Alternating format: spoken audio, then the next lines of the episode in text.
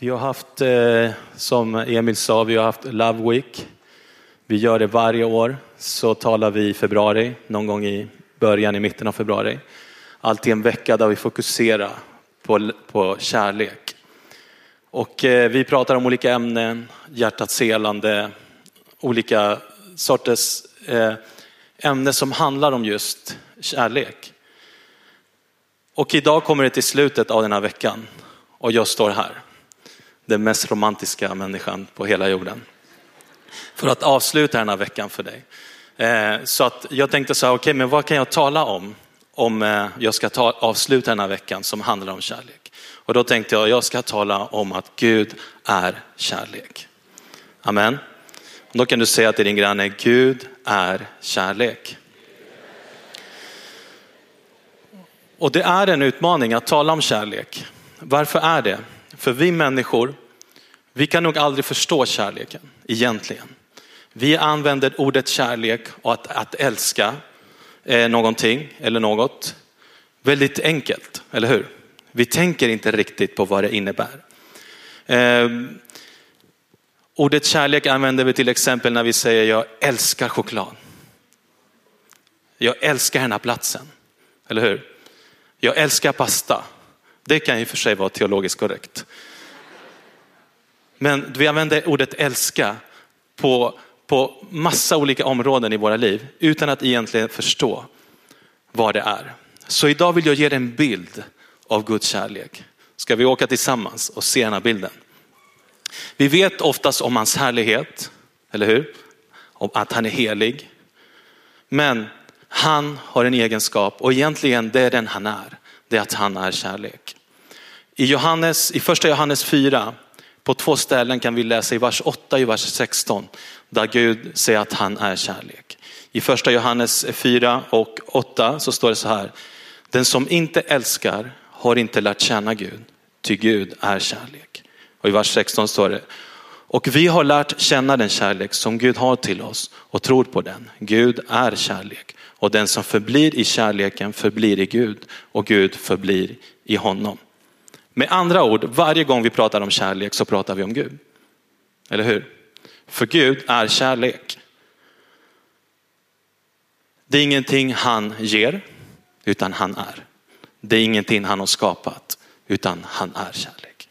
Eller hur? Gud definierar sig själv som jag är kärlek. Så om man vill lära sig om kärlek, om man vill förstå kärlek, så borde man umgås med någon som är kärlek. Och det är Gud, eller hur? Varför ska man hämta den någon annanstans ifrån? Det är, det är ju liksom dumt att göra så. Så vi slutar med det från och med idag. Hur många här vet att Gud är evig? Att innan tid och rum så fanns Gud, eller hur? Alltså är kärlek evig. Eller hur? Så kärlek kom inte till med människan. Gud kom, vaknade inte en dag plötsligt och tittade ner när han hade skapat oss och sagt nej, de behöver en, positiv emotiv känsla som jag kommer att komma kalla kärlek. Så där får ni den. Det var inte så det började, utan han är kärlek. Han, han har alltid varit det. Det finns ingenting som, som du och jag har kommit på. Det är ingenting som en, en smart människa kom och sa, ja, jag har forskat i en känsla och jag kommer kalla den kärlek. Utan Gud är kärlek. Vi är inte inblandade i det, utan han är det. Är ni med så länge? Och tänk då att i någonstans i den här evigheten, någonstans i en evighetstidspunkt, men det finns ju ingen tid i evigheten så det är svårt att säga tid, men vi säger tid. Eh, så, så tänker Gud på dig så tänker Gud på mig.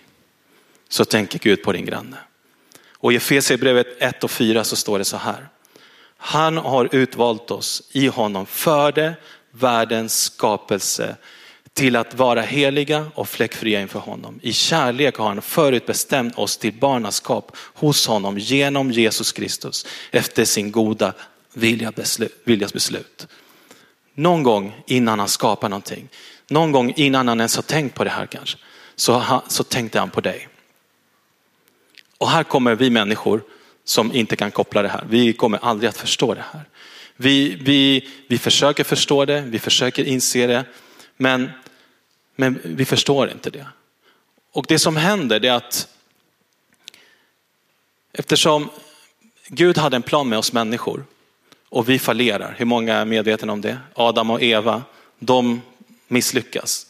Och då måste Gud återigen visa sin kärlek för oss genom att bestämma sig för att sända sin enfödde son. Det dyrbaraste han har. Hur många har ett barn här? Så vi kan lite relatera till den kärleken man känner som Gud hade för Jesus.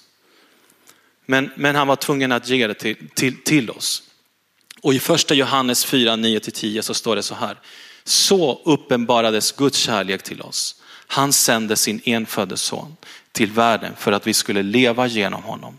Detta är kärleken. Inte att vi har älskat Gud, utan att han har älskat oss och sänt sin son till försoning för våra synder. Och alla sa Amen. Här uppenbarar Gud sin kärlek. Gud ger det dyrbaraste han har och han tar din och min synd. Okej, okay, det här är Gud. Det här är hans perspektiv. Det här, kärlek är evig, den har alltid funnits. Gud är kärlek. Det är ingenting som du och jag kom på. Är vi med så länge? Ska vi se vårt perspektiv som människor? Vi tittar på det här. All right? Vi ska kolla vårt perspektiv. Och, eh, och försöka förstå när Gud bestämmer sig i den här stunden, i evigheten någon gång, när han tänker på dig och säger att jag ska skapa människan. Att, att försöka förstå den, den biten. En bibelvers som de flesta vet, vare sig du är frälst eller inte, det är Johannes 3 och 16. Eller hur? Där står det så här, ty så älskade Gud världen att han utgav sin enfödde son för att den som tror på honom inte ska gå förlorad utan ha evigt liv. Inte sände Gud sin son till världen för att döma världen utan för att världen skulle bli frälst genom honom. Vad är Guds längtan utifrån de här eh, verserna? Att världen genom Jesus ska bli frälst. Fyra gånger nämns världen i de här två verserna. Gud måste verkligen älska den här platsen. Eller hur? Eftersom han nämner det så ofta. Och vad som egentligen står i de här verserna, vi har hört det så mycket så vi slutar tänka på det. Men det är någonting som är svårt att ta in om vi benar ut det. Vi kan summera Guds kärlek så här. Människan springer från Gud. Gud här borta, lite längre bort här, springer efter människan. Och då skulle vi, det är så summerar vi Guds kärlek. Jag vet inte om Gud springer så här, men han springer mycket coolare tror jag. Eh, men så, så ser det ut. Människan är ständig, eh, fly, fly, fly, man flyr från Gud. Och Gud jagar människan, eller hur? Och då, jag som människa, skulle jag sätta mig med Gud och säga till Gud, Gud, ursäkta, du kanske inte tänkt på det här, men det här kommer inte att fungera. Att rädda hela världen tror jag inte kommer att fungera. Jag tror att det är en, ett omöjligt uppdrag. I Romarbrevet 5.8 så står det så här, men Gud bevisar sin kärlek till oss genom att Kristus dog för oss medan vi ännu var syndare. Och då vill jag prata med Gud igen. Okej, okay. du kommer rädda världen medan jag ändå är en syndare så vill du rädda mig. Att du sänder din son för att förändra den här världen så måste du ha ändå vetat att det inte går. Hur många vet att Gud vet allt? Att han är evig. Hur många vet att Gud vet att du har en fri vilja? Och att jag har en fri vilja. Okej, vi har komponenterna. Lika med någon person kommer att inte vilja ta emot Jesus i sitt liv. Förneka Jesus. Bespotta honom. Eller hur? För vi har en fri vilja. Alltså kommer det inte att gå att rädda hela världen. Eller? Och då vill man fråga Gud, varför insisterar du att förändra den här världen, att rädda den här världen? Vad finns i dig Gud som vet allt men ändå insisterat att älska mig, att förändra mig och att frälsa mig? Du är början, du är slutet. Du vet allt i tid och rum. Och ändå vill du rädda mig. Vet du vad det är? Hans natur. Kärlek. Det är att han kan inte rädda bara tre av er. Han kan inte bara lämna en möjlighet för den här raden, de här raderna här. Utan han måste, hans natur skriker att han måste lämna en möjlighet för alla oss. Han är kärlek. Han ger inte det. Han är det. Han skapar inte det. Han är kärlek. Amen. Paulus skriver till Timoteus. Sådant är rätt och behagar Gud vår frälsare som vill att alla människor ska bli frälsta och komma till insikt om sanningen. Det är första Timoteusbrevet 2, 1-3 kan du läsa det här. Här ser vi Guds längtan att alla människor ska bli frälsta. Ska vi summera hittills? Gud är evig, han är kärlek. Han kan inte hjälpa det. Men vi människor har nu svårt med vårt logik att ta in den här kärleken. Eller hur? Vi människor, om vi verkligen börjar meditera på vad hans kärlek är, förstår inte riktigt vad det handlar om. Vi har en till person i den här ekvationen. Det är Jesus. Ska vi se hans perspektiv. Jesus, han visste. Han visste om alla som skulle acceptera honom och inte acceptera hans offer. Och då vill man fråga Jesus, varför gör du det här? Varför utsätter du dig för det här? Om jag visste att bara 60 procent av det här crowdet skulle ta emot mitt offer, då vill jag dö för er 60 procent. Eller hur? Men Jesus går längre än så. Det står att han tar allas våra synder. Den ångesten som Jesus kände när varje synd läggs på honom. Det är en känsla av att jag vet att jag måste ta det här. Trots att han vet ju alla människor. Så att den och den kommer förneka mig. Trots att den här och den här personen kommer bespotta mig. Jag väljer att gå hela vägen. Det står att han blev synd. Som jag sa innan, om jag var Gud och jag var tvungen att offra min son för er så skulle jag vilja göra en, en enkät först och veta om du kommer att ta emot det här. För det måste vara värt det, eller hur? Om jag ska investera i er så måste det vara värt det. Eller hur? Men Jesus kände sin faders hjärta. Och Jesus kände och visste hans vilja. Och därför kunde han bara inte annat än göra som sin fader sa och hans vilja. Det finns bara en förklaring varför fadern Gud lägger alla synder på sin son. Det är att det är en kärlek som inte går att förstå, som är irrationell, som är ologisk. Jesus drevs av den passionen som hans far i himlen hade. Det tog honom till korset. Han visste att jag kommer att förlora den gemenskapen jag har med min pappa. De var så sammankopplade och det skulle förloras genom att ta din plats. Men Jesus säger de här kända orden, men ske din vilja och inte min vilja.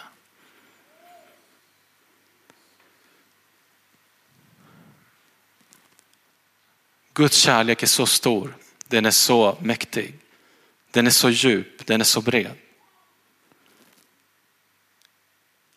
En bild av hans kärlek får vi se 750 år innan Jesus föds i Hosea. Efter kapitel 3 framåt så talar Gud om det här upproriska folket Israel. Men i kapitel 11 så verkar det som Gud ändrar sin ton.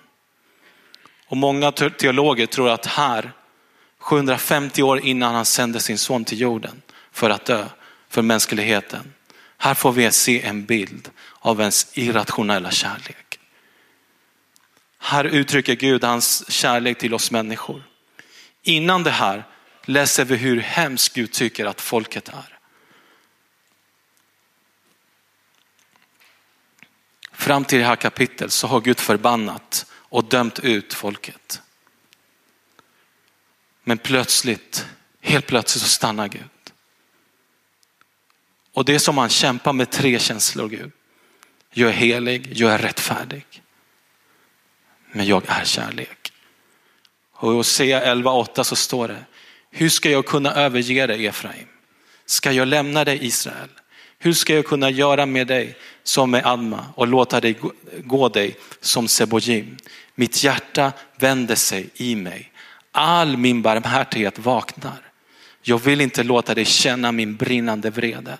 Jag vill inte, jag vill inte på nytt ödelägga Efraim. Ty jag är Gud och inte människa. Helig är jag ibland er och med vrede vill jag ej komma. Här säger Gud, mitt hjärta går i bitar. Eller hur? Han säger att all min barmhärtighet vaknar. Och i vers 9 så kan vi läsa att han kommer inte att göra det. Vill du veta varför? För det är hans natur. Han kan inte sluta att älska. Här ändrar sig Gud och han säger jag kommer inte som i Sodom och Gomorra. Jag kommer inte göra så. Gud kommer att fortsätta att vara rättfärdig och i slutet av våra liv så kommer vi att dömas. Men vet du vad som händer idag? Det är Guds kärlek, den irrationella ologiska kärlek tillåter män och kvinnor att andas in och ut varje dag för att Gud längtar efter att varje person ska någon gång få en chans att ta emot Jesus.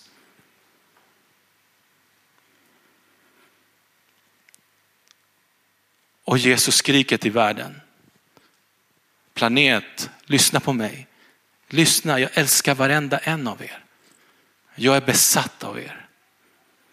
Jag sänder min son, inte för att peka ett dömande finger till er, utan för att ge er frälsning. Okej, okay? Gud är inte den största kritiken av ditt liv som ser alla dina brister som ser allt som, som tynger dig, som ser allt som du gör fel och ska peka på det. Utan han är klippan du kan stå på när det stormar. Amen. Han är trösten i din sorg. Han är läkaren till dina sår. Amen. Där barmhärtighet vinner över dömandet om och om och om och om igen. Amen. Det är den Jesus som älskar dig och den Gud, den fader i himlen som älskar dig. Och det är så viktigt för dig och mig att förstå, att försöka förstå Guds kärlek. Framförallt att förstå att du inte kan förstå det.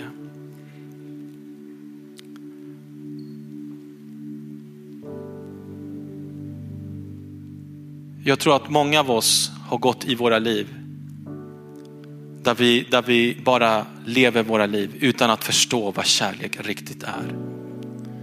Och när vi inte vet vad kärlek är, när vi inte förstår vad det är, så missar vi så mycket. Det finns ingenting som någon människa kan säga vad kärlek är som är rätt, som inte är grundat i Guds ord. Gud är kärlek och med honom så finns allt. Och vi finns för att han har älskat oss. Att du får sitta här idag, att du får vara på den här platsen, att du får åka hem och ha en fin middag sen. Att du får göra saker och ting i ditt liv, studera, arbeta. Är det för att han har älskat dig först? Det är för att han har tillåter att du får andas in och ut för att du ska få möta honom. Amen. Och när vi förstår det, att det här är det är det någonting som vi, som vi måste bejaka. Så kommer det ett allvar i våra liv. Jag måste göra någonting med, den här, med det här som jag får veta nu.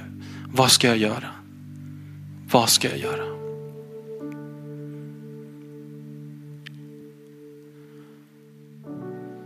När Jesus fångades och var inför Pilatus så kallade Pilatus översteprästerna, rådsmedlemmarna för att förstå varför Jesus skulle straffas.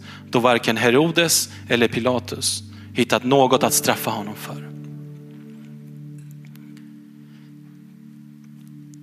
Pilatus gör ett, ger ett förslag och för, i det förslaget så är att frige Jesus.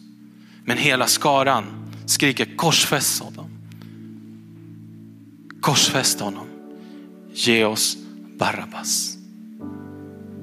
Låt oss få Barabbas fri. Pilatus gör ett nytt försök och kommer med ett till förslag. Att låta Jesus bli fri. Men de ropar ännu högre. Korsfäst honom. Ge oss Barabbas. En tredje gång så försöker Pilatus. Jag ser ingenting hos den här mannen. Kan inte han bli fri? Och nu ropar de så att halsen exploderar på dem. Korsfäst honom. Korsfäst honom. Till den graden, trots att Pilatus fru hade varnat honom, till den graden, den trycket som finns där, då bestämmer sig Pilatus att göra som de vill. Han tvättar sina händer och friger Barabbas. En man som var fånge på grund av upplopp och mord.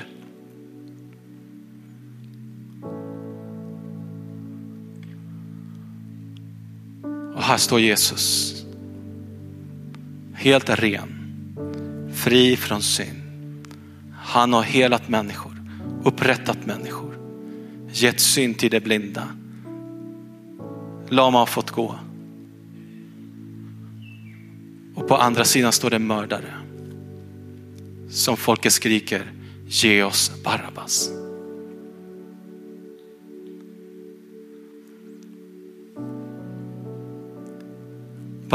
Barabbas visste inte ens vem Jesus var. Han var helt ointresserad av honom. Han förtjänades inte att befrias.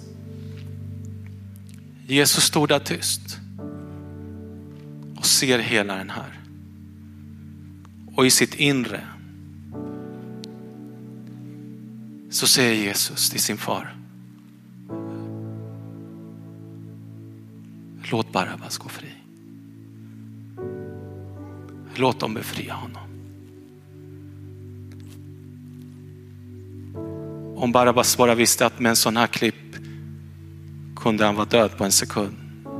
Jesus kunde ha tillkallat miljontals med änglar som kommer ner till hans räddning.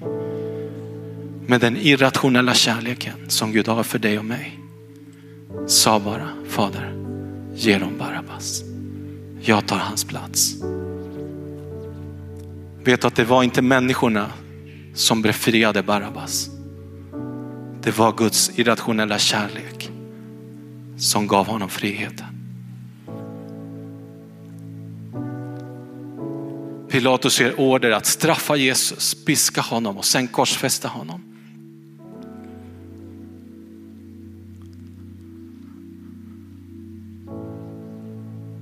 Och då kan man tänka sig och undra.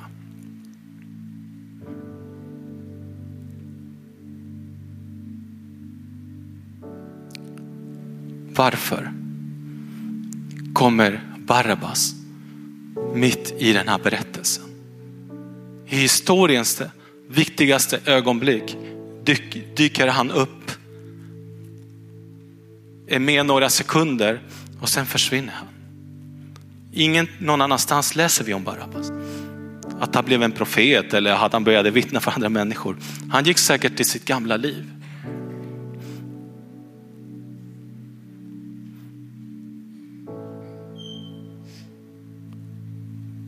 I den viktigaste stunden i historien dyker Barabbas upp. Vet du vem Barabbas är? Det är du och jag. Vi förtjänade att dö. Vi förtjänade att betala vår synd. Vi förtjänade att ta den platsen. Men Jesus säger jag älskar Barabbas. Jag älskar honom. För det är min faders vilja. Jag älskar honom. Och vi kommer aldrig att förstå Guds kärlek. Vi kommer aldrig att förstå den här stora kärleken som Gud har för mänskligheten. Om vi alla förstod det här, om vi alla förstod vilken kärlek han har till dig och mig. Om Barabbas visste egentligen det som hade pågått i, i evigheten, att Jesus sändes. Om Barabbas hade förstått, han hade stått på sina knä. Eller hur? Han hade förstått vem Jesus var. När vi inte förstår vem Jesus är, vet du vem Jesus är? Där det är essensen av Guds kärlek. Har du köpt en parfym någon gång? Där du kan köpa parfymen och så kan du köpa nyanser av den. Jesus är essensen av vem? Av Guds kärlek. Amen. Det är centrumet.